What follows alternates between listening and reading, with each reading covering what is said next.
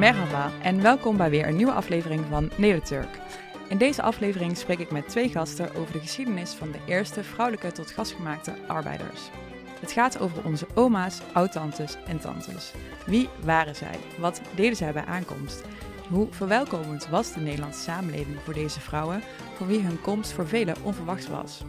Zij zagen hun mannen enkele jaren niet. Hoe moet dat zijn geweest? Waarom wordt er zo weinig over ze gesproken en als dat al wel gebeurt, enkel op een eenzijdige manier? Kortom, we have questions.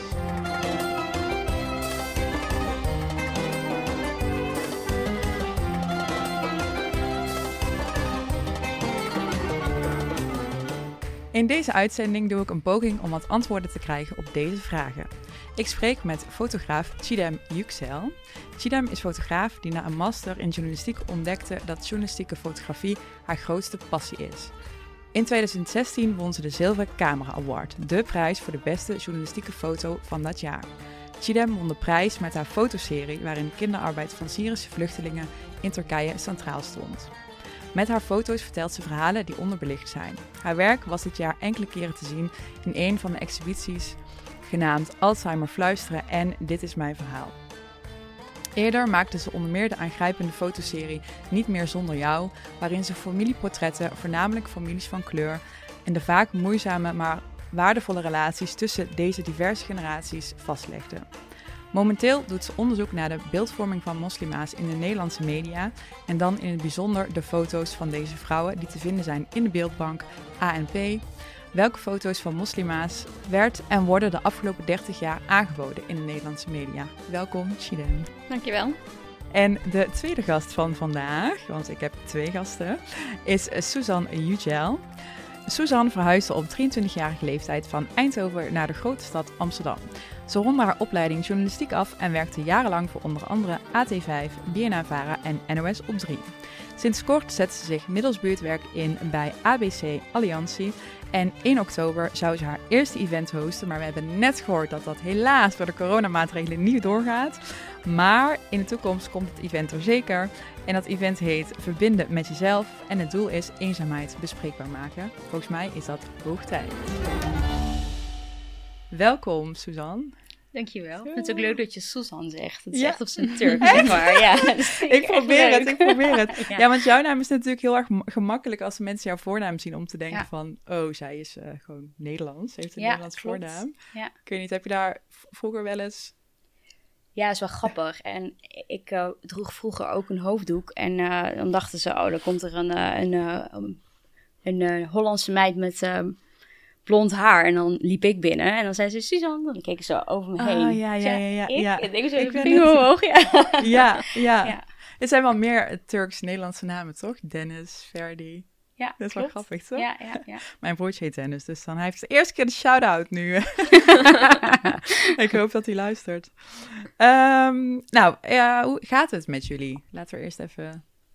Ja, goed. Ja? Goed, ik zit uh, midden in de afronding van mijn onderzoek. Ja, uh, waarschijnlijk gaan de luisteraars, uh, de luisteraars kunnen waarschijnlijk de, het onderzoek al downloaden als dit wordt beluisterd. Ja, zeker, zeker. Um, maar daar zit ik middenin. Ja, want vertel, jouw onderzoek, je doet onderzoek naar beeldvorming. Uh, dit keer voor beeldvorming voor moslimvrouwen, zichtbare moslimvrouwen. Ja, ik heb gekeken naar het aanbod aan beeld van moslimvrouwen in de beeldbank van het ANP.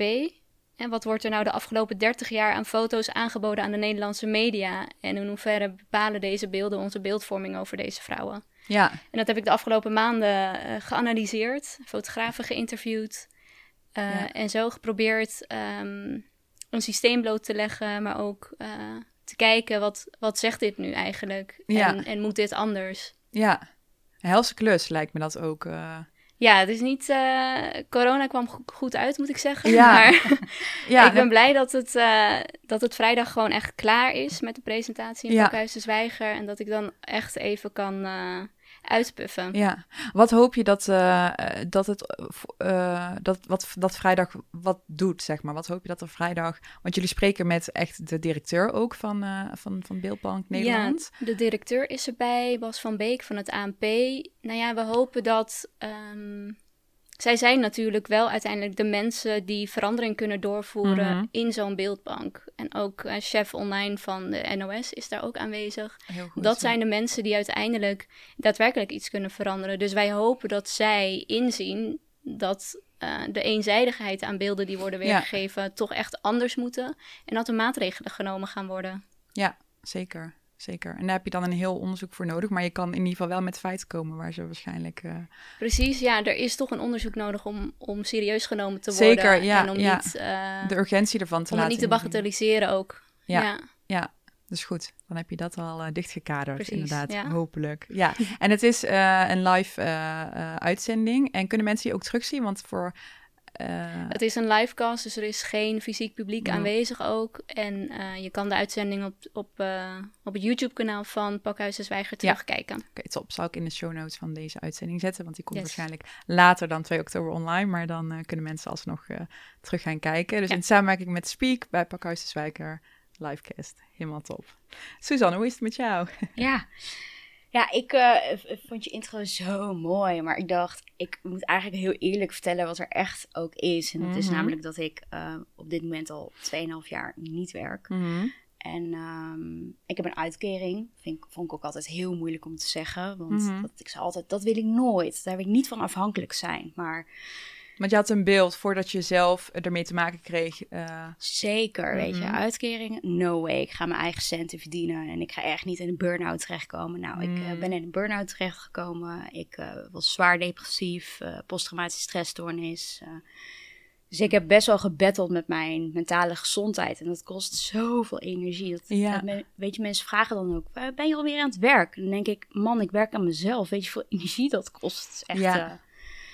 Ja. niet te doen. Dus ehm, het gaat gelukkig beter. Ik heb in de zomer eh, mijn ehm, behandeling afgerond.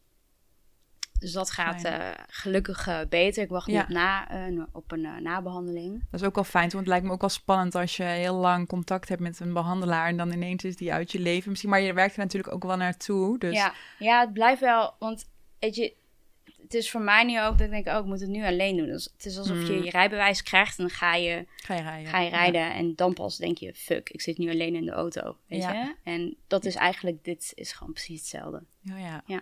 ja. mooie metafoor. En super dapper. En Thanks. ook heel goed om dit te bespreken inderdaad. Hè? Want je zegt, jij bent inderdaad ook echt ehm, eh, die chick die vanuit Eindhoven naar Amsterdam is gegaan. Die carrière. Eh, maar Ja. er zit ook, eh, zeker ook denk ik, omdat je zoveel en zo lang zo, zoveel gewerkt hebt ook. ehm, eh, zit daar natuurlijk ook, zijn er ook wel dingen die je misschien... ja, waar je minder bij stil hebt gestaan of zo. En dan haalt het je altijd in of zo. In ieder geval, dat eh, is ja, ook ik mijn heb ook eigen gewoon trauma dan. meegenomen Mhm. en daar Ja. heb ik niet aan gewerkt. En Ja. dat, ik wist wel dat het op een gegeven moment wel naar boven zou drijven en dat is ook echt wel gebeurd. En Want wist het jij me het- ingehaald. Wist jij toen al van eh, de term die is voor ik, ik ken deze term denk ik pas anderhalf jaar eh, en er is ook een mooi haakje naar waar deze uitzending over gaat. Ehm, wat generationeel trauma was, dat dat überhaupt kon, dat dat, wist jij dat al toen je zo jong was? Of, Nee, dat, dat wist ik niet. En Ja. het grappige is dat mijn moeder het nu zelfs weet. Hmm. Ehm, en dat ik het met mijn moeder daarover heb. Van Oh, wat heel zit er fijn. eigenlijk bij ons in de familie? Wat draag ik met me mee wat ja, niet van mij is, maar wat ik wel heel heftig op me voel? ja, En migratie is daar natuurlijk een heel groot onderdeel van. zeker. Zeker. Dus eh, ja, absoluut. Ik had echt allemaal shit die ik moest eh, opruimen. Ja. bovenop allerlei andere dingen waar ik ook mee te maken had. Ja. Dus eh, ja. Want een burn-out kan vaak... eh, ik, ik heb ook eh, eh, eigenlijk ten tijde van begin corona een, een burn-out gehad. Ook omdat ik in een sector werkte die niet de sector was waar ik heel veel energie van kreeg. En gelukkig is dat nu steeds meer Ja. wel het geval, namelijk media maken. Ehm, en dan merk je wel inderdaad dat, dat een burn-out wel ook heel veel andere dingen blootlegt. Je bent er niet zomaar Zeker. als je een andere baan hebt. Nee, dat zit er wel. Ja. Dit is vaak niet de enige oorzaak, zeg maar. Dat je even niet lekker in je werk of even te veel... Ja. ehm, ja, hoe ga je met werkdruk en stress om? ja, En ehm, hè, kan je grenzen stellen? En ja. vaak als je niet op werk grenzen kan stellen, kan je dat in je privéleven ook niet. Dus het, het zijn heel veel dingen die dan denk ik op je bordje terechtkomen. En dat je denkt, als ik hier echt goed van wil herstellen, Precies. dan moet ik echt mijn tijd nemen. Precies. Want anders zit ik over een paar jaar weer in een burn-out. En dan eh, zit ik weer thuis eh, in zak en as. Dus, Ja. ja, Het werk dat je nu doet, eh, ja, daar heb je voor altijd iets aan. ja, Inshallah. ja, inshallah, inderdaad. Ja. ja, ehm, nou, uh, ik herinner me nog goed dat ik um, een foto op Instagram voorbij zag komen. En Chidem, volgens mij was dat een foto die jij postte in je stories. Uh, ik vond het sowieso al heel vet, die, foto's die jij uh, maakte. en deze foto was een foto volgens mij van Bertien van Manen. Het was uit het oude archief.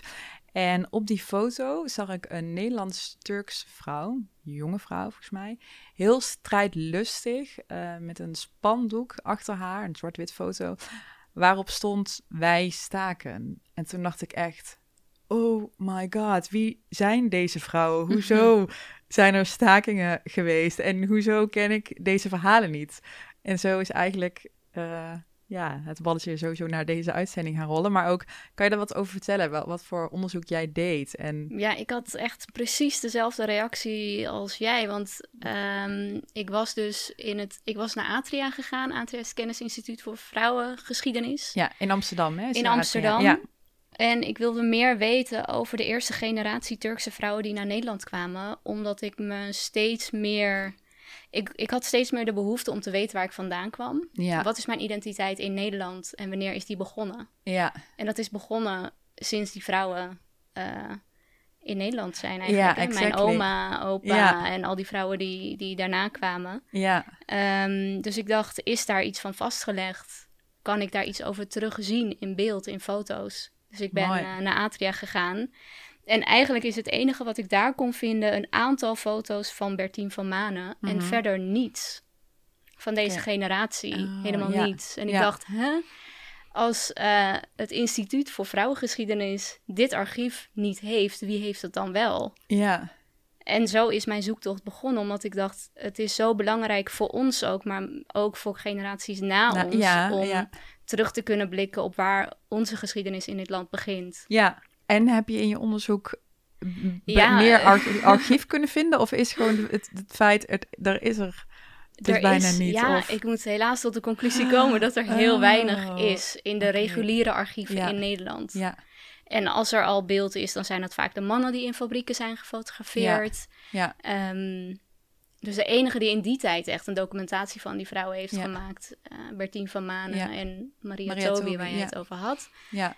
Um, maar ik heb ja, alle archieven in Deventer, in Eindhoven, in Nijmegen, in Almelo, in ik weet niet waar allemaal gemaild met hebben jullie um, foto's van gastarbeiders, van vrouwelijke gastarbeiders? Ja, nee, ik heb toch mailtjes teruggekregen van ja, nee, eigenlijk is dit het. En eigenlijk voornamelijk alleen maar mannen. Schokkend. Ja, ja we, gaan, we gaan het dadelijk nog uitgebreid hebben inderdaad over die foto's van Martien Vermanen en uh, Maria Tobe, die ook op onze social media's te zien zou zijn. En inderdaad, uit welk perspectief die gemaakt zijn. Um, eerst even ook een stukje geschiedenis. Ik ben benieuwd, Suzanne, waar begon jouw familiegeschiedenis? Ik weet dat die rijkt aan die van mij, omdat we allebei, onze opa's allebei naar Eindhoven gingen. Maar ik ben hier Eindhoven. Ja, ja. ja. klopt. Vertel. Ja, mijn um, opa is hier gekomen in de jaren 70, mm begin jaren 70. En uh, eigenlijk kwam ik alleen en later kwam mijn oma. Um, en mijn vader kwam op zijn zestiende uh, via gezinshereniging. Dus hij heeft ook in Turkije gewoond uh, zonder zijn ouders? Ja, inderdaad. bij zijn opa en oma. Ja. Oh, echt waar? Ja, ja, ja. Ja, ja, ja. dus bij opa en oma opgegroeid. En, um, en mijn moeder kwam denk ik rond haar twintigste of zo toen ze met, me, met mijn uh, vader trouwde. Oh ja, dus jouw moeder die, die heeft een groot gedeelte van haar kindertijd en jeugd in, ja, in Turkije. Ja, ja, klopt. En jouw opa die ging werken in Eindhoven, weet je ook waar? Ja, hij heeft uh, bij de Bata-fabriek gewerkt in Best ah, en bij DAF in Eindhoven. Ja, heel mijn familie werkt bij de DAF. Nee, echt? nou, nog steeds. oh, is zo grappig. Ja. Hele fijne werken. Ja, toch? Bij jou, ja. Uh, uh, gewerkt. Ja. Interessant, ja. Maar dat kan ik me als kind, want ik ben bij mijn opa en oma opgegroeid ook, omdat mm. mijn ouders allebei werkten. Dus dan, mm. soms werd ik netjes om zeven uur of zo, werd ik daar half zeven was oh, het, werd ik afgedropt. En s'avonds rond diezelfde tijd gingen we weer naar huis. Dus ik, ik kan me mijn opa en oma dus heel goed herinneren. Het voelt een beetje alsof ik soort van ook tweede generatie ben, want dat ben ik oh, helemaal niet. Ja. Um, maar toen ja, was maar die scheiding altijd. tussen die, want ik vond het wel interessant, wat laatst vroeg iemand, maar ook mijn vader was dus, eh, en en alleen mijn vader is Turks, mijn moeder niet, maar was 15. En toen zei iemand, ja, is het dan eerste of ben jij dan tweede of derde generatie inderdaad? Omdat, kijk, hij is natuurlijk niet Ja. hier al helemaal eh, eh, ge- getogen ook niet, weet je wel. Dus Ja. dan is dat wel een interessante vraag. Dan zit het net, Precies. jouw vader ook, ja, hij is niet in Nederland geboren, dus ja. Ja, inderdaad. derde, Maakt ja. mij dat dan eerste, tweede? Ja. Want als mijn opa er niet was geweest, dan Ja. was hij waarschijnlijk ook niet hier naartoe gekomen. Nee, Dus nee. Maar vooral ook inderdaad, is dat belangrijk wat we dan zijn? Dus dat ik me Mm. nou af te vragen. Ja, ik denk wel dat het, het, het natuurlijk heel anders is hoe mijn opa hier is terechtgekomen en wat Mhm. voor werk hij heeft gedaan dan mijn vader. Ik bedoel, hij heeft ehm, echt kunnen studeren Ja. en hij heeft niet in fabrieken of zo gewerkt. Dus ik denk dat daar wel het, ehm, het verschil ligt. Ja, dat is wel een, inderdaad wel een goede ja, wat je zegt. Ja. Wel grappig dat onze vaders op dezelfde leeftijd. Ja, echt super. Gewoon best wel veel hetzelfde. Ja, best wel veel hetzelfde. Ja, maar dat ook dat opgroeien, ehm, dus niet bij je ouders. Mijn, mijn vader had geen opa en oma meer volgens mij, maar die is bij zijn broer opgegroeid eigenlijk, jaren. Maar dat is natuurlijk ook wel iets waar wij ons niet kunnen voorstellen. Maar toen was het natuurlijk heel collectief. Het hele familie kan voor, voor kinderen zorgen. Ja. Dus eh, zijn schoonzus was net getrouwd en dacht even, oh, gezellig. En toen kreeg ze er ineens een schoonbroertje van zeven bij. Ja. ja, maar dat was normaal. Dus eh, ja. Ja, het is wel grappig inderdaad. Dat iedereen, mijn ooms en tantes ook, iedereen heeft een paar jaar Turkije, toen weer hier en toen weer Mhm. andersom. En wel, wel Ja. allemaal los van elkaar, dat merk je ook wel. Ja. Dus ze hebben niet allemaal een hele sterke band met elkaar. Ja, hun jeugd is, eh, bestaat uit verschillende plekken of zo. En dat Ja. is best wel iets wat ik me niet kan voorstellen. Ehm, lijkt me ook best wel gek of zo. Ik heb het wel eens met mijn vader over dat hij zegt... ja, soms denk ik aan eh, mijn klasgenootjes of zo uit Ankara. Ja, die heb je dan nooit meer gezien. Ja, je kunnen gewoon mensen tegenkomen, weet je wel. Niet dat je daar altijd zin in hebt, maar, maar dat is een ander ding, weet je wel. Het kan, dus ja. Ja, Chidem, ik ben ook benieuwd naar jouw eh, familie. Ja, mijn, mijn opa kwam ook eh, kwam naar IJmuiden. En meiden, oh, IJmuiden. Ehm, mijn moeders vader. ja. Eh, eind jaren zestig. En hij kwam werken bij de Hoogovens. Samen met eh, nog een stel andere. Was ik een van de eerste, denk ik dan. hij was wel een van de eerste gastarbeiders, ja. Ja, Die daar kwam werken samen met andere dorpsgenoten. Eh, en vier jaar later, toen mijn moeder vier was ook, ehm, is mijn oma met alle kinderen eigenlijk eh, naar Nederland gekomen, gezinshereniging. Dus mijn moeder was vier toen zij naar Nederland kwam. Zij is ook echt opgegroeid in Nederland, is naar school gegaan in Nederland. Ehm, ja, dat is net iets anders dan eh, jullie ja, familie, ja, ja, eh, super verhaal. jong. Ja, En mijn vader kwam naar Nederland toen hij met mijn moeder trouwde. oké, Hij ja, was 23. ja. Ja. En dat verschil is ook wel echt eh, altijd merkbaar geweest bij ons in het gezin. Mijn moeder die spreekt perfect Nederlands. En Ja. wij spreken nu nog steeds meer Nederlands dan Turks thuis. En dat heeft natuurlijk Ah. ook effect op onze ja. binding met, onze, met, met de Turkse taal Ja. en met Turkije. Wel interessant dat je dat zegt. Eh, dat ja. herken ik ook. Ik heb dat ook, omdat mijn moeder dus niet Turks is, is Nederlands-Armeens. Maar dan ehm, is het raar dat voor je vader is dat wel zijn moedertaal en voor jou niet. En dan eh, heb je toch ook... Ja, Turkse taal is heel erg rijk aan, eh, of course, romantische... Ja, drama. ja. drama. Wij mogen dat zeggen, toch? Oh my god. Ehm, maar, en dan in het Nederlands heb je die woorden niet. Dus dan is het ook echt zo van... eh, weet je, ja. Heb je dat ook wel? Dat je denkt van, oh ja, het is... Ehm, nou ja, als we het hebben over ons gezin, niet echt, maar als ik het heb, oh ja, ehm, ik ben wel echt opgegroeid met Turkse series en muziek en echt, eh, weet je wel, dramatische muziek. Een beetje Gillette muziek met Damar. Dat soort hele zware. Ja, ik hield ja. van zwaarmoedig zijn Oh, ja. soms, ook melancholie. Daar Ja, hield ik, ik heel ook, erg ja. van. Het is toch gek dat we er allemaal zo... Ja, het zit wel een beetje in. Het zit er wel een beetje Ja. in ons, ja. Ja. Zo heel ruw en, en ik, voor de lol luister ik gewoon muziek waarvan mijn vriendinnen zeggen... Oh my god, ik zou echt de hele tijd zijn ja. als ik dit luister. ja, voor mij is het nostalgie. Ja, Ik weet nog dat. eh, ehm, ja, mensen begrijpen dat niet. Ook, niet nu ik in Amsterdam woon en niet al mijn vrienden zijn Turks. Mhm. Dus als ik. Onze muzieksmaak komen ook niet overeen. Mhm. Dus er is best wel een struggle om.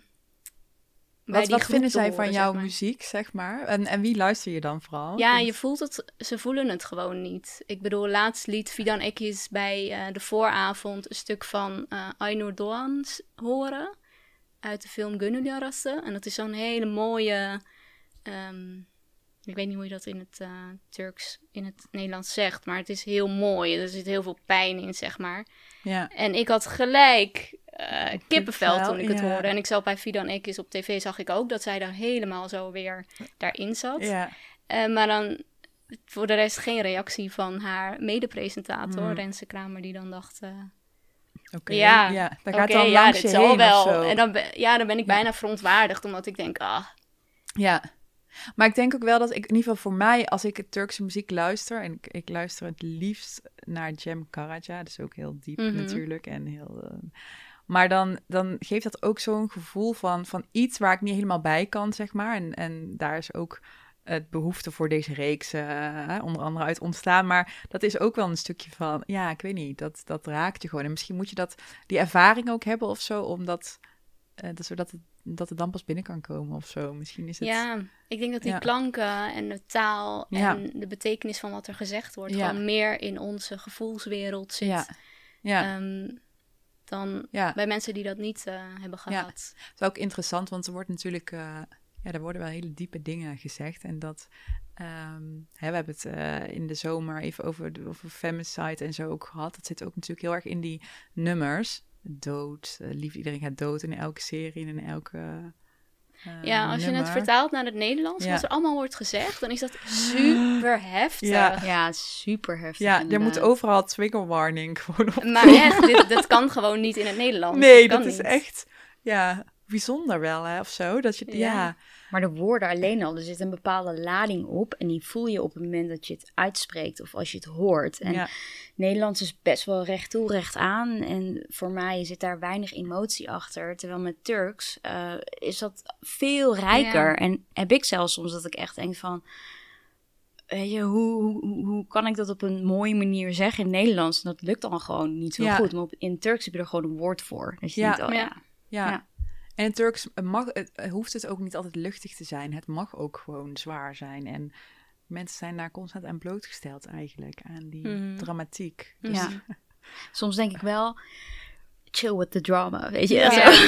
Ja. Dan kan het te dramatisch zijn. En soms ook echt over dingen waarvan ik denk, Echt waar? Ja. Hele kleine dingen, weet ja. je. En dan is het meteen een soort... Ja, daarom vind ik ook wel... Ik vind die... Uh, ik vind uh, Gupse Ujjai fucking geweldig. Ik weet niet of jullie haar kennen. Die, nee, die, nee. ze is een actrice en zij, zij... Ken je die film Delia en zo? Ja, het zijn echt van die humorfilms. Oh, ja, ja, ja, En zij, zij, schrijft, zij is de regisseur ervan en zij maakt dat hele karakter. En dan denk ik... Oh ja, dat vind ik ook. Want, die, want Turkse theater en film is sowieso heel en heel erg goed. Het is gewoon echt een hele goede industrie in Turkije. Natuurlijk ook wereldwijd bekend, maar ook echt hele goede kwaliteit. Dus die stand-up comedians, dan denk ik soms echt, oh ja, of fijn, ik kan ook hier naar kijken. Ja. En uh, zo'n gezellige film, weet je wel, waar ze dan zo kleine straatjes van Istanbul laten zien met die muziek. En dus die ja, vind ik dan ook wel fijn om een keer voor de afwisseling uh, minder um, diep. Ja. En uh, de hele reeks van Shaban in, uh, weet je dat ook alweer, die uh, zieke, of nee, die kostschool van die mannen. Oh ja, ja. ja. dat is heel slechte humor was het, maar het was wel humor. Oh, ik vond het zo leuk om te kijken. Ik keek ook altijd met mijn opa en oma samen. Ja, oh, leuk. Ja, echt nostalgie. Ja, ja. nostalgie. Um, dan ga, uh, wil ik het graag hebben over uh, de arbeidsomstandigheden van, hè, van die uh, eerste tot gasgemaakte um, Turkse uh, arbeiders. Um, en ik wil graag een stukje voorlezen uit de website van Atria. Um, daarin staat de eerste staking van Turkse vrouwen in Nederland bij een kipfabriek in Almelo.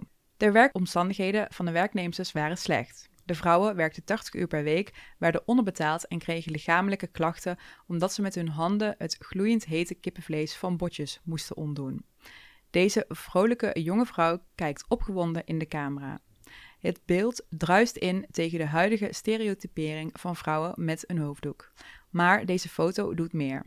Het herinnert ons aan een vergeten geschiedenis. De eerste generatie Turkse vrouwen heeft hard gewerkt voor de kost. Zo, een heel uh, citaat. Um, Wat vinden jullie van, uh, van die titeltekst, zeg maar, bij die foto, als je dat zo leest? Ja, voor mij was dat ook toen ik die foto voor het eerst zag in Atria in het archief uh, en vooral de laatste zin las. Mhm. Dacht ik, oh jeetje, ja. Ik uh, schrok een beetje, omdat ik dacht, er is al zo weinig vastgelegd. En als wij nu niet iets doen om dat vast te leggen, om deze vrouwen zichtbaar te maken en om, uh, ja, om al die verhalen te gaan verzamelen en een breder palet aan verhalen te hebben, dan is het weg. Ik bedoel, mijn oma leeft niet meer, maar zij heeft jarenlang in een visfabriek in IJmuiden gewerkt. Ja. En die, in die visfabriek werkten alleen maar Turkse vrouwen. Ja.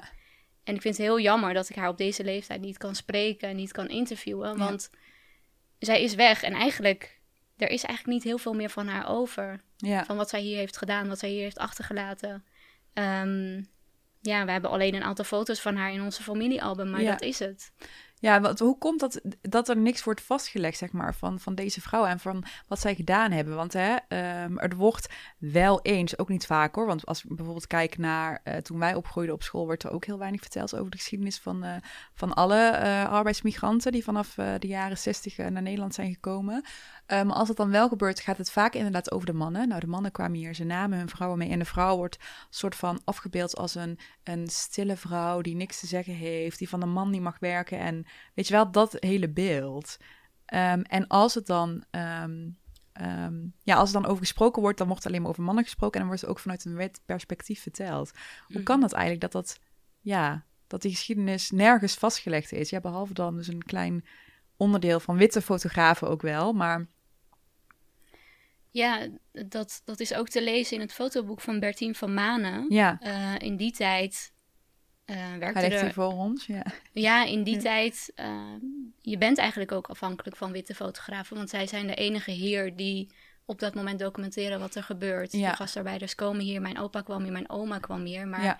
ehm, er waren toen geen Turkse mensen volgens mij die eh, de fotocamera in hun handen namen en het gingen documenteren. Niet, niet dat ik weet. nee, ja, misschien alleen voor, voor eigen, Ja, voor de eigen albums. ja, En, Ja. ehm, en vaak zijn die fotografen ook mannen, dus de toegang tot vrouwen was er niet. Mhm. Omdat veel van die vrouwen toch uit agrarisch gebied kwamen. En inderdaad, toen was het echt wel zo dat, dat, eh, dat vrouwen thuis werden gehouden. Toch wel, dat was wel hoe het Ja. hoorde. Is het dan ook daarom, ik had het nog, was daar, eigenlijk had ik daar nog niet bij stilgestaan, dat de twee bekendste, eh, ik pak ook even foto's erbij, want we gaan even foto's, eh, die worden ook natuurlijk in de show notes gezet, maar ehm, dat de be- twee bekendste Nederlandse fotografen, die, die, die Turkse vrouwen en Turkse gezinnen, kinderen vooral ook vast hebben gelegd, vrouwen zijn, omdat zij dus wel bij die vrouwen mochten komen. Is dat daarom? dat denk dus? ik wel. Oh ja. ja. Ja. Daar had ik nog eigenlijk helemaal niet bij stilgestaan. eh. Ja. Het, het was ook gewoon heel eh, gesloten in die tijd. Dus die mannen die komen niet eh, die huizen binnen. En dan Ja, Bertien van course. Manen kwam, kwam wel binnen, omdat zij vrouw is. Ja, tuurlijk, ja. En het is toch wel goed uiteindelijk dat zij dat heeft gedaan, want anders hadden we helemaal niks. Ja, zeker. Ja. En je ziet de vrouw die ze afbeeldt, dat zij, ehm, of dat beeld misschien enorm, maar een beetje eh, verlegen zijn ook of zo voor de camera. Is dat iets wat jullie herkennen? Ook Suzanne, jij misschien met, met oud-tantes of oma's, dat ze het toch wel een beetje awkward of zo vinden om zo... Als ik kijk naar familiefoto's van vroeger, kijkt iedereen, niemand lacht of zo. Ze, kijk- ze Ja. kijken gewoon in de camera, that's it. Dus het is, het is gewoon geen uitdrukking. Dat is Ja. best wel gek, maar ja. dat was heel typisch voor die tijd. En ik weet nog dat ik als kind, dat ik als, als ik dat zag, dat ik heel hard moest lachen. Dat ik zei, niemand lacht hier. en dan zei ze, ja, dat, dat was vroeger zo. ja, Ehm, dus ja, ik denk dat, dat dat is wat, wat je ziet. Dat als er een camera op je gezicht staat, dat je dan ja, geen uitdrukking hebt. En op die manier kijkt, Ik denk dat daar niet per se over is nagedacht of zo. Ja, Ja. want uh, Chidem, kan je iets vertellen over het nieuwe project wat je aan het doen bent? Uh, want jij wil dus uh, die vrouwen gaan vastleggen op portret. Merk jij bij hun ook een soort van uh, awkwardness of, of dat ze het onwennig vinden? Die, die... Ja, nee, eigenlijk niet. Nee? nee oh! Nee. ik denk, we hebben te lang, nee, lang ik denk, gewacht. Nou nee, ik denk als ik naar de foto's van toen kijk, als ik naar de foto's van Bertien van Manen kijk, kijk ja, die vrouwen die zijn terechtgekomen in een land waar ze de vreemdeling zijn, waar ze de taal niet van spreken, waar Mhm. ze de gebruiken niet van kennen. Ik bedoel, je moet toch echt wel. Het is best wel een cultuurshock wat je meemaakt. En het is overleven. En dan komt zo'n vreemde vrouw met een enorme camera jou Ja. ook nog eens vastleggen. Dus het is, ik denk niet zo gek dat zij zo uh, de camera in kijken. Ja. Maar als ik nu ehm, die vrouwen spreek die nu inmiddels in de 70, 80, 90 zijn, dan uh, zijn het hele gezellige tantes die eigenlijk vertellen hoe goed ze het in Nederland hebben gehad. Oh, okay, ja. Wat een fijn leven ze hebben gehad. Hoe blij ze zijn dat hun kinderen goed zijn terechtgekomen. Kleinkinderen, achterkleinkinderen. Ja. En dat ze heel dankbaar zijn. Ja, en ze zitten vol met uh, grapjes en verhalen. en dat is, dat is een beeld wat ik ook wil uh, vastleggen Ja. en wil doorgeven. Want het beeld van de mm, stille, onderdrukte, slecht Nederlands sprekende migrantenvrouw was Ja. misschien toen van toepassing. Maar dat is al 50 jaar blijven kleven aan deze vrouwen. Ja. En dat is niet meer terecht. Nee. Het is echt wel anders. Ja. Zeker anders. Heel mooi dat je dat doet. En is het moeilijk om uh, aan uh, vrouwen te komen die willen portret... Uh, willen Nee, dat ik heb- een foto gemaakt wordt? Nee, Of- eigenlijk ook niet. Oh, ook heel leuk. Ik had een eh, oproep op social media geplaatst Ja. dat ik op zoek was naar Turkse vrouwen om te fotograferen, om Ja. ook verhalen te verzamelen. En ik krijg heel veel reacties van kinderen en kleinkinderen die Ah, zoiets ja. hebben van ja, mijn moeder, mijn oma, je moet haar echt spreken. Hele bijzondere vrouw. En ik heb al wat mailtjes gekregen met verhalen waarvan ik denk, jeetje, echt kippenvel gewoon. Dat ik dacht, ja, dat moet verteld worden, dat moet vastgelegd worden. Ja. Maar daar hoor je later meer over. Want Ik ik, zit nu midden in. eh, ik ben nu mijn onderzoek aan het afronden. Maar ik ben nu eh, in. Ja, de komende maanden ga ik eh, de shoots slag, houden, de ja. interviews doen. Heel tof. Heel dus ik belangrijk. hoop eh, volgend jaar meer te kunnen ja, laten zien. je bent gewoon echt writing history, want jij bent het hele archief van Nederlands stuk aan het uitbreiden. Dus dat is wel heel... Ja, het is echt. Maar echt uit pure noodzaak. Ja, Omdat ik zo voel dat het belangrijk is voor Ja. onze identiteitsvorming hier. zeker, ja. Het is echt ook door dit onderwerp dat ik. ehm, en, en wat jij aan het doen bent, dat ik mijn moeder heb gebeld en heb gevraagd van hoe zit dat nou? Weet je? Ja. Dat, mijn- Ja. dat, dat zij ook echt vertelde van ja, dat klopt. En eh, de- Ja. generatie van je oma, die hebben ook allemaal gewerkt. En hebben ze ook nog foto's van en zo. Toen dacht ik ook van, oh, ik, wat stom dat ik dat eigenlijk ook helemaal niet weet. Dat ik daar ook inderdaad niet naar vraag. Ik denk de eerste keer dat ik daar echt over heb gelezen was in Jijlis boek, Hm. De Garnalenpelster. Ja, dat ze gelezen. over haar, ja, Ja. moeder verteld en Mhm. wat voor omstandigheden. Dat dat de eerste keer was dat ik er echt over heb gelezen. Maar verder heb ik er inderdaad ook helemaal niks over ja, gehoord. Of er wordt dan verder niet veel over gepraat. Mhm. Dus ehm dank je wel Ja. daarvoor. Want het is voor mij ook een soort van een gespreksopener geworden, zeg maar. Ja, Ja, Ja. en nu, nu eh, hè, al die discussies door Black Lives Matter eh, die oplaaien. En waarin je ook hoort dat daar een van de bekendste slogans, tenminste wat ik vaak heb voorbij zien komen op social media, is: ehm, Je weet pas wie je bent als je weet waar je vandaan Ja, komt. ja. Ehm, Die zin Ja. die kwam net ook in me, in me op, ja. Daar moest ik ook aan denken. ja, En, en alle politieke debatten over migratie en hoe er over Turken en Mhm. Marokkanen bijvoorbeeld wordt gesproken. Ja, Ehm, om een weerwoord te hebben en om niet te geloven wat in de politiek wordt gezegd, moet je eigenlijk zelf weten wat je verhaal Ja. is. Ja. ja. en dat is ehm, meer dan misschien de verhalen die je in je gezin hoort. En al, hè, wat jij ook zegt, Suzanne, zo vaak... En dit is ook in ieder geval mijn ervaring, hebben wij het daar niet per se over. Hè? Ook omdat verhalen vanuit thuis ook wel wat, met wat pijn eh gemoeid zeker. gaan. ja. Bedoel, eh, absoluut. Ja. Ja, ehm, dus ehm, ja, wil je dat dan al openen van je ouders? Maar wij als die generatie ja, Neder-Turken, die echt zo midden, hè, die gewoon echt opgegroeid, geboren in Nederland zijn, ja, we hebben dat wel nodig. ehm, om een beetje te poren aan onze familieleden van even, kom vertel. Ja. Ehm, en dan is het wel mooi dat, je, eh, dat jij daar zo naar op zoek gaat eh, op deze manier. Ja, want je had het net ook over inderdaad de beeldvorming. Hè? Ehm, wat ik ook vaak hoor, ehm, als we het dan hebben over de, de kritiek, is ehm, dat de instanties, eh, in ieder geval, zeg maar, het, het Nederlandschap van Turken. ja, zeg maar, te vraag stellen. En er is zelfs een onderzoek geweest vanuit de Rijksoverheid. En dat onderzoek dat is begonnen na de, eh, ja, de koeppoging, de omstreden koeppoging 2016. Dat weten we allemaal nog wel, of course. Ja. En ehm, de noodzaak van dat onderzoek was echt om te onderzoeken hoe verbonden Turken eh, zich voelen met Nederland, omdat men ervan uitgaat dat dat dus niet zo is.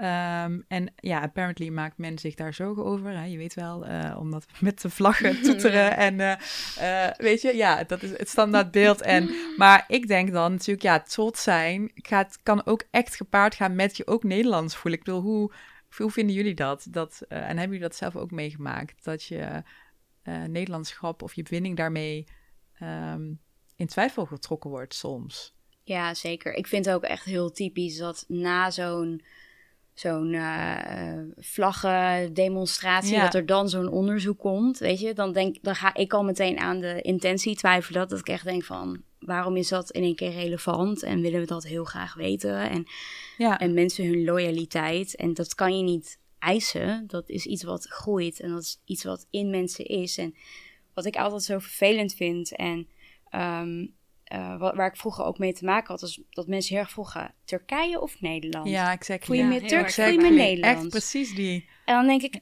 en vroeger voelde ik me genoodzaakt om te kiezen, terwijl ik nu echt wel tot de conclusie ben gekomen. Ja, sommige dagen voel ik me meer Nederlands, sommige dagen meer Turks en soms is het 50-50. En, en soms het is allemaal oké. Ja, precies. Het maakt ook echt niet uit. Ja.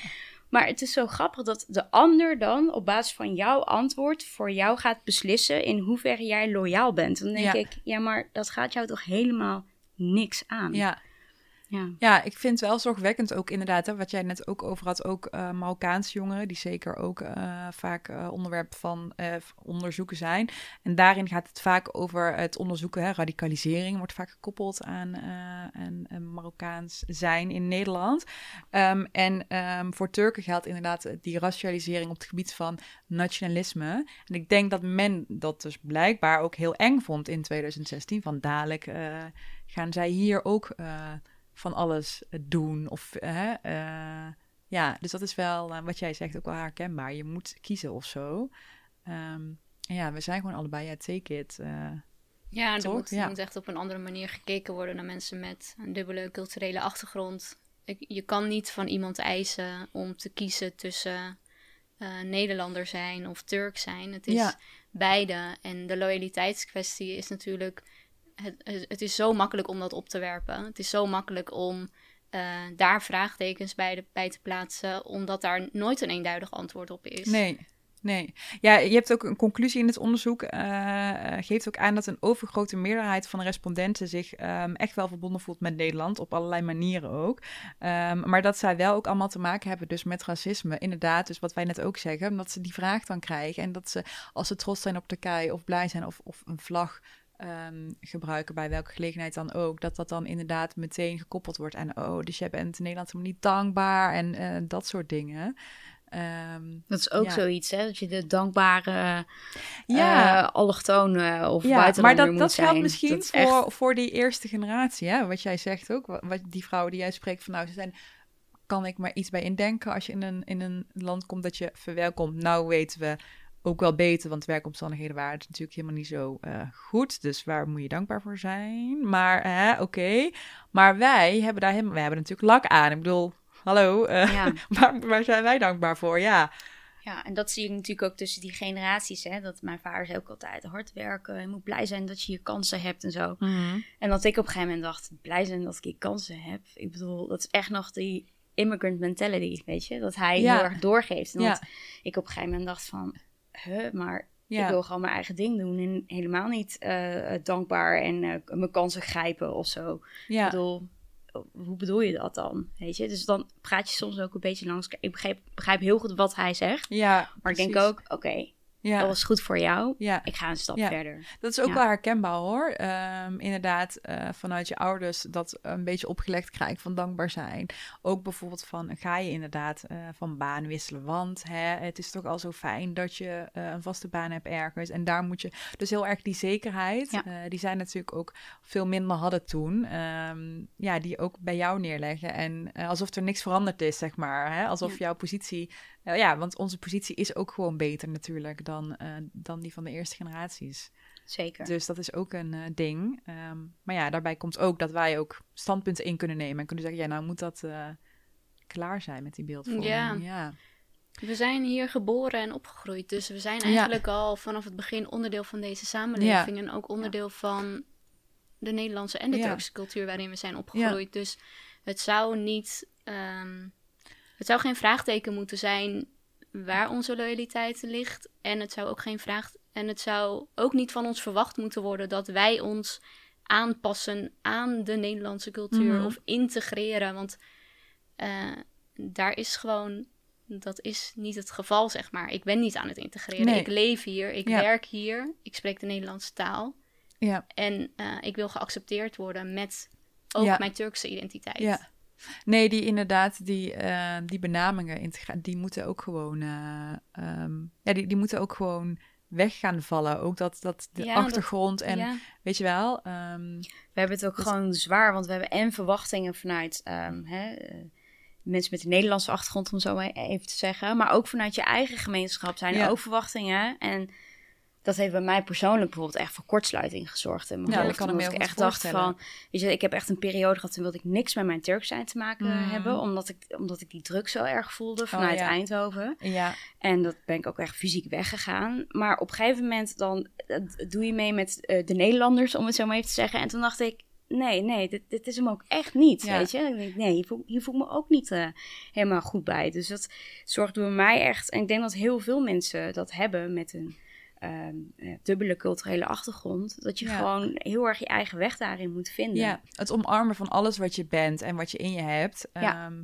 ehm, in een omgeving die dat vaak inderdaad niet snapt. En ik denk dat jullie ook eh, wel eh, die, die opmerkingen gehad hebben van... oh ja, maar jij lijkt gewoon heel erg Nederlands. Weet je? Ja. En ik maak me ook wel in het bijzonder... ik denk wel dat ik dat zo kan zeggen... ook wel zo- zorgen over veel jongens, zeg maar, van onze generatie ook... die waarvan ik wel zie dat zij zich heel erg eh, verbonden voelen met de politiek in Turkije. Bijvoorbeeld nu ook weer. Nu zijn er weer, eh, ehm, ja, is er weer onrust eh, ehm, bij Azerbeidzjan en Armenië. En dan gaat Turkije daar ook iets van vinden. En dan zijn die jongeren daar helemaal... ehm, maar tegelijkertijd zie ik van diezelfde jongens niet diezelfde bezorgdheid of diezelfde mate van je uitspreken ergens voor als het gaat over dingen die in Nederland gebeuren. Denk van ja, jongen, ik hoop wel dat je snapt dat je ook in Nederland eh, iets te zeggen hebt, één, in de politiek. En dat er een partij eh, zou moeten zijn die jou eh, representeert en dat je daar ook in kan mengen of zo. Ja. Maar dat, ehm, ja, dat mis ik dan persoonlijk nog wel of Ja. zo. Dat ik, ehm, ja, ik maak me daar ook wel zorgen over, denk ik. Die, die binding met, en die politiek van nu in Turkije, die stimuleert dat natuurlijk heel erg. Ja, en dat zijn. Ik denk dat, dat er dus twee dingen zijn. Is dat je gewoon Turks bent en een culturele identiteit hebt. En Mhm. dat niemand eh, jou mag vragen waar je nou loyaler naar bent. Maar tegelijkertijd heb je het, het over, ook over politiek. Ja. politieke inmenging. En ik denk dat die twee best wel vaak door elkaar worden gehaald. Waardoor Ja, heel goed, je- ja, want ik heb ze net ook eh, even door elkaar gehaald, of in ieder geval benoemd. Precies, eh, want als daar maak ik mij ook zorgen om. Ja. Maar neemt niet weg dat zij ook in culturele zin gewoon Turks zijn en ook mogen zijn. En wat heel veel mensen denken is... eh, oh, ze hebben een politiek standpunt ingenomen. Oh, be- zijn meer bezig met Turkije, dus loyaal naar Turkije. Mhm. Dus met, en dan, dan denk ik, nee, dat, dat zijn twee verschillende dingen. Ja, En dat is ook wel iets wat ik voor mezelf echt heb moeten scheiden. Zo van, Ja. ja. ja. Mhm. Nee, daar, heb, daar zeg je inderdaad iets eh, heel goeds en heel belangrijks, ja. Ehm, Ja, ik denk ook dat, eh, en dat merk ik bij mezelf ook, maar ik denk dat dat bij die jongens ook speelt. Ehm, ik mis heel erg eh, de toe-eigening van eh, Mark Rutte bijvoorbeeld. Ja. Eh, dat hij iedereen toe-eigent in dit Ja. land. Dat er geen onderscheid wordt gemaakt Ja. in godsdienst, in waar je vandaan komt, Ja. hoe je eruit ziet. En zolang dat niet komt en zolang eh, de politieke taal nog steeds eh, verdeelt mhm. met wij-zij. Eh, tuurlijk neig je dan naar de politiek in Turkije, waar Mhm. Erdogan jou met open armen ontvangt en Of jou course. totaal toe-eigent. Ja. Ja. Ja. Want je wilt ergens bij horen. Ja, En Vooral Erdogan in een land waar je woont. Je wilt onderdeel zijn en je wil gezien worden. Ja. Je wil weten dat je er toe doet. ja. Ja. Amen, ja. Daar zeg Mooi gezegd. Ja. Ja, dat is precies wat het is. Ja. ja. Want eh, het was toch ook ehm, in die tijd dat Rutte eh, toen die uitspraken deed van anders rot je maar op. Ja, Dat in zomergasten deze- zei ja. ik dat toen. Ja. Ja. toen dacht ik ook, oh nee, Ja. nee, nee, Ja. nee. Ja, je Ja. drijft ze alleen maar van je af hoor. Ja. Je drijft iedereen van je af. Ja. Ja. Recht in de armen van Erdogan. Ja. En ik snap het. Ja, Ik kan, dat, ik kan ze dat niet blamen, maar ja, dat moet echt anders. ja. Moet zeker anders, ja. Ja, ze moeten gezien worden. Dat zei je heel Ja. mooi. Ja. Ja. dat is het echt. Ja. Ik bedoel, hoe blij zijn we al als Rutte zegt, uh, nou, een gezegend uh, offerfeest. Nou, ja. de wereld, iedereen was hartstikke blij. We hebben hartstikke veel gedeeld. Ja. Oh, eindelijk. Ja. ja. Met zoveel miljoen uh, islamitische inwoners in je land. Hè? En dan, ja. Ik vind het heel pijnlijk. Ja. Ja, dat is zeker heel pijnlijk. Ja. ja. En ik denk inderdaad dat je helemaal gelijk hebt dat deze jongeren dat nodig hebben, ja. En ook die... Die, die, ja, het ook nodig, weet je. Het is echt... Ik zou ook op die manier gewoon gezien willen worden. En niet alleen maar door een bril die zij willen ja. dat je bent. Door de ogen van een ander altijd, hè. En ja, dan, uh... dat ze je echt zien voor wat je bent. En niet voor wat ze willen dat je bent. Nee. Het zijn echt twee verschillende dingen. Ja, ja en constant uh, de arbeid en de energie moeten verrichten... om te laten zien dat je wel degelijk mee wil doen in deze maatschappij. Om te laten zien dat je wel degelijk ook een Nederlandse kant hebt. Om te laten zien. Ja, je bent constant bezig met een strijd om alle stereotyperingen of vooroordelen of uh, de loyaliteitsvraagstuk. Om dat constant te uh, onderuit te halen of te laten zien dat... Ja, of te bevestigen of zo. Ja, of te bevestigen, zoiets. Je bent constant bezig met, met een strijd of zo, met laten zien wat je niet bent. Ja, want je wordt altijd, je wordt bekeken vanuit de ogen van een ander. Dus daarom natuurlijk ook dat identiteit zo'n grote rol speelt. Omdat men echt kijkt... Uh, ik zie jou ook als fotograaf, even formeel, visueel. Van, hè, als fotograaf kijk je ook naar de persoon, maar zo wordt er eigenlijk uh, naar alle mensen, denk ik, uh, met een um, andere achtergrond in Nederland gekeken. En daar voel je, daar voel je gewoon. Dus daar, daar, ja, daar ben je constant mee bezig in jezelf. Ja. Ja, dat is helaas een gedeeld collectief uh, struggle die wij hebben. Ja. Uh, met z'n allen. En daarvoor is het ook nodig dat die bronnen die jij aan het ophalen bent en het werk wat jij doet, dat dat ook gebeurt. En dat dat uh, langzaam maar zeker gaat bijdragen aan iets wat ook collectief in Nederland leeft en is, waardoor men het zich niet meer hoeft af te vragen. Ja, en ik denk ook dat in, op, op scholen, op basisscholen, op middelbare scholen, dat er echt um, tijdens geschiedenisles mhm. meer dan één lessen gegeven moeten worden over migratie in Nederland. Dat het iets is van alle tijden. Ja. Dat het helemaal niet zo gek is dat hier mensen komen met een andere achtergrond. Dat er mensen komen om te werken. Uh, dat is hoe dit land in elkaar steekt. En dat mensen dan ook stoppen met zeggen tegen mij, jou, ons, wat spreek jij goed Nederlands? Ja, Want dat komt voort uit het feit dat zij totaal geen idee hebben uh, nee. hoe wij hier terecht zijn gekomen, wat onze achtergrond is, dat, dat wij hier al drie generaties zijn, vier zelfs nu. Nou, sterker nog, de, de handelsrelaties uh, van Nederland en Turkije gaan helemaal way back. Uh, en is Turkije het, het, vierde land dat, dat Nederland uh, erkend heeft als land in, in eh, de 16e of 15e eeuw. Grappig um, feitje. En, en wisten jullie ook van het feitje dat, dat er ook een, een Turkije bestaat in Zeeland? Dus het was in 1612. Um, uh, nee, echt een plek? Ja, het is een plek. Is, is in Zeeland. Let's go there. Ja, precies. Ja, ik woon in Turkije. moeten we een fotoshoot doen. ja. Heel goed idee. Ja, nee, er was um, uh, uh, een oorlog met, met Spanje. Nederland had oorlog met Spanje. En de Ottomanen die waren ook al heel sterk op zee. En um, ja, die kwamen aan en die wisten dat, dat, dat uh, Spanje en Nederland ook ging aanvallen. En toen hebben ze de Turkse vlag als een soort van, weer die Turkse vlag, als een soort van waarschuwing um, zo pom neergeplant oh, uh, uh, op Zeeland. En uh, toen zijn de Spanjaarden vertrokken. En wow. daarom is er in Zeeland, bij de sluis ergens, een plekje dat heet Turkije. Ik weet nog wel dat oh, Susan bij ons in Eindhoven, dat uh, weet je nog dat, uh, heeft jouw moeder denk ik vast ook wel een keer aan meegedaan, dat ze een wijkvereniging hadden waarin de vrouwen heel erg vaak uh, uitjes hadden in, in bussen. Dan gingen ze met de bus, gingen ze dan overal naartoe. Dat deed ze best wel vaak. Oh, echt? Ja, weet je? Nee, ik weet, oh, weet je dat niet meer. Ik ja. weet wel dat mijn oma en, en haar groep, dat ze fietscursussen hadden. En dan ging oh, ik altijd nee. mee en dan gingen we spelletjes spelen en zo. Dus dat weet ik nog, oh, ja. ja. ja dat weet ik dan weer niet. Maar die bussen, nee, dat weet ik Ja, niet. met bussen gingen ze dan uitjes. Dan gingen ze naar Brussel of naar Amsterdam of wat dan ook. Had je zo'n zo kaartje, kon je dan kopen. En, en ze zijn dan toen ook een keer naar, naar Zeeland geweest. En daar staan dus die, die Turkse straatnamen... Uh, uh, ook. En dat is gewoon heel grappig. Uh, dus dat is al heel lang aan de gang. En inderdaad, wat je zegt, Nederland is natuurlijk gewoon opgebouwd um, door iedereen. En ook uh, door de tot gas gemaakte, ook een hele belangrijke, waar mijn collega en Mungayende mij uh, een aantal jaar geleden op wees. Uh, niemand is te gast ergens, dus het is tot gast gemaakt. Ja. En eigenlijk zijn het uh, werknemers. En vooral een stad als Eindhoven, waar wij onze roots hebben, Ja. is bijna volledig opgebouwd door deze Zeker. mensen. Ja, ja absoluut. ja, Ja. de Philips, de DAF inderdaad. De DAF, ja. ja, ja. dus ja, wie is er te gast? Ja, niemand. Dat is wel de eindconclusie. Ja. Ik heb ook nog een laatste vraag voor jullie. Namelijk, wat of wie doet je het meest aan Turkije denken? Ja, ik vond het, want die had je dus gestuurd. Ja. Daar echt even over nadenken. Dacht, anders heb je, ja. ja, ik dacht, anders ben je helemaal, uh, ga je Ja, niet, precies. Dan zou ik hier echt zitten van, ik weet het niet. En toen kwam eigenlijk het eerste in me op. En dat is uh, de Izan.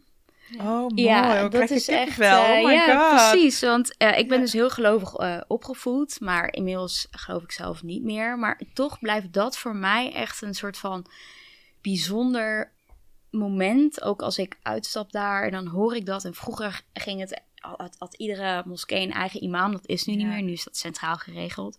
Maar dan hoorde je dat overal en dan hoor je zo de vogels. En ja, dat was voor hè? mij echt wel... Dat ik zelfs toen ik in een stilte zat in Indonesië, bij Vipassana, dan hoorde je ook ehm, ja, de, de ezan, zeg maar. En die duurde heel lang. Ik weet echt niet waarom, maar die duurde heel lang. En dat ik daar zo'n fijn gevoel van kreeg. En dat ik aan Turkije moest denken. Terwijl aan het einde, toen mochten praten, dat anderen zeiden: Wat was dat geluid? Ik vond het zo eng. En ik, ik zo eng? Hè, nee, dat is juist heel fijn.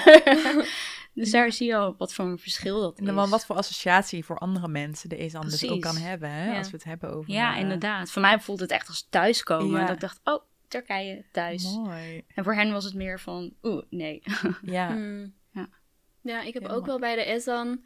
eh, ik merkte het pas toen ik eh, reisde ook naar andere islamitische landen. Hè? Marokko, Palestina, eh, Iran volgens mij ook. Egypte. Hoe mooi de Ezan eigenlijk in Turkije is. Hoe muzikaal dat is. Ik heb wel gehad ook dat ik naar een Ezan luisterde in de stad. Ik kippenvel kreeg. En dat de Ezan in Turkije toch wel echt het mooiste Ja? is. Oh. wauw. Wij kijken ons Ja, allemaal ja. alsof wij Ja, er mee te maken hebben. Ik herken heel erg wat uh, Susan zegt. Ja. Ja. Het, ik krijg er soms ook nog steeds kippenvel van. Ja, kippenvel heb ik ook, ja. Maar ik moet ook zeggen, eh, check your deck. Oh, Zonnepitten. Ja, zeker. Ja. Check Ja. your deck, zeker. Met z'n allen op het balkon zeker. zitten. Zeker. En dan eh, totdat het balkon helemaal vol loopt met eh, Niet normaal. Ja. Ja. Overal waar je het hoofd schillen is, van, eh, ja. checkerdek ziet, ook, ook eh, bij ons in Eindhoven of, of in Amsterdam waarschijnlijk. Maar Ja. dan weet je gewoon van, oh, hier hebben ze lekker zitten kletsen, ja, precies. roddelen op de bankjes. Ja, Ja. lekker. Heerlijk. Checkerdek, ja. Ja. Ja, is een Goeie, hele, hele ja. goeie. Ja, en welke zijn dan je favoriet? Want je hebt eh, natuurlijk die super zoute, die harde, maar je hebt ook die, die eh, nee, dat zijn, zijn dat is trouwens dat is wel geen zonnepit, maar die heb je ook die witte, weet je wel, die Ja. pompompitten. Oh, ja. Nee, ja, dat heeft heel lang geduurd voordat ik dat echt goed kon, eh, Is moeilijk, hè? eruit kon halen. Dat is heel moeilijk. Maar ik vind die hele zoute, dikke, harde, Die zou, ja, heel lekker. vind ik ook heel lekker. Ik lekker veel geluid. Oh, lekker. Ik weet ook nog wel inderdaad dat ik, eh, dat ik een vriendinnetje mee naar huis nam. En die, die, die zei ook van, oh, je, jij kan dat ook zo snel eten. Ik dacht, oh ja, tuurlijk, wij kunnen dat ook gewoon heel snel eten. Maar dat is- als je dat niet gewend bent, dan, dan duurt Had je ook niet dat op een gegeven moment, als het goed gaat, dat het een soort van wedstrijdje Ja. is? Dat je dat zo heel snel achter elkaar ja, doet? wie dan meest En, en als je van die zout hebt, dat je dan opgezwollen lippen krijgt. Ja, een ja, helemaal pijn doet het dan. Oh, maar lekker. Zout. Oh, sowieso alles met zout is echt Ja. mijn, eh, eh, mijn favorite. Ja. Het is ook echt een cultuurdingetje volgens mij. Want ik probeerde Zout? minder zout te eten. dacht ik, Ja. Ik vraag me dus ook af. Ik weet niet of jullie dat hebben. Ik ben dus heel erg van zout en, en hartig. Hebben jullie dat ook? Of zijn jullie ook wel... ik ben echt een zoete kou. Ik heb het zelfs op mijn arm ge- getatoeëerd. Echt? Sweet tooth. Ja, ja, ja. ja, ja. Ik, heb heb, je ik heb sweet en dan een tand eh, daarnaast. Oh ja, dat is wel echt... Daar kan ik niet tegen. Ja, hier. Ja, ik ben echt een zoete kou. Heel erg. Oh. Ik, hou, ik ben echt van de baklava. Oh, van maar. baklava. Ja, ja, ja. Ja, Daar kan je me heel gelukkig mee maken. ook super lekker. Ja.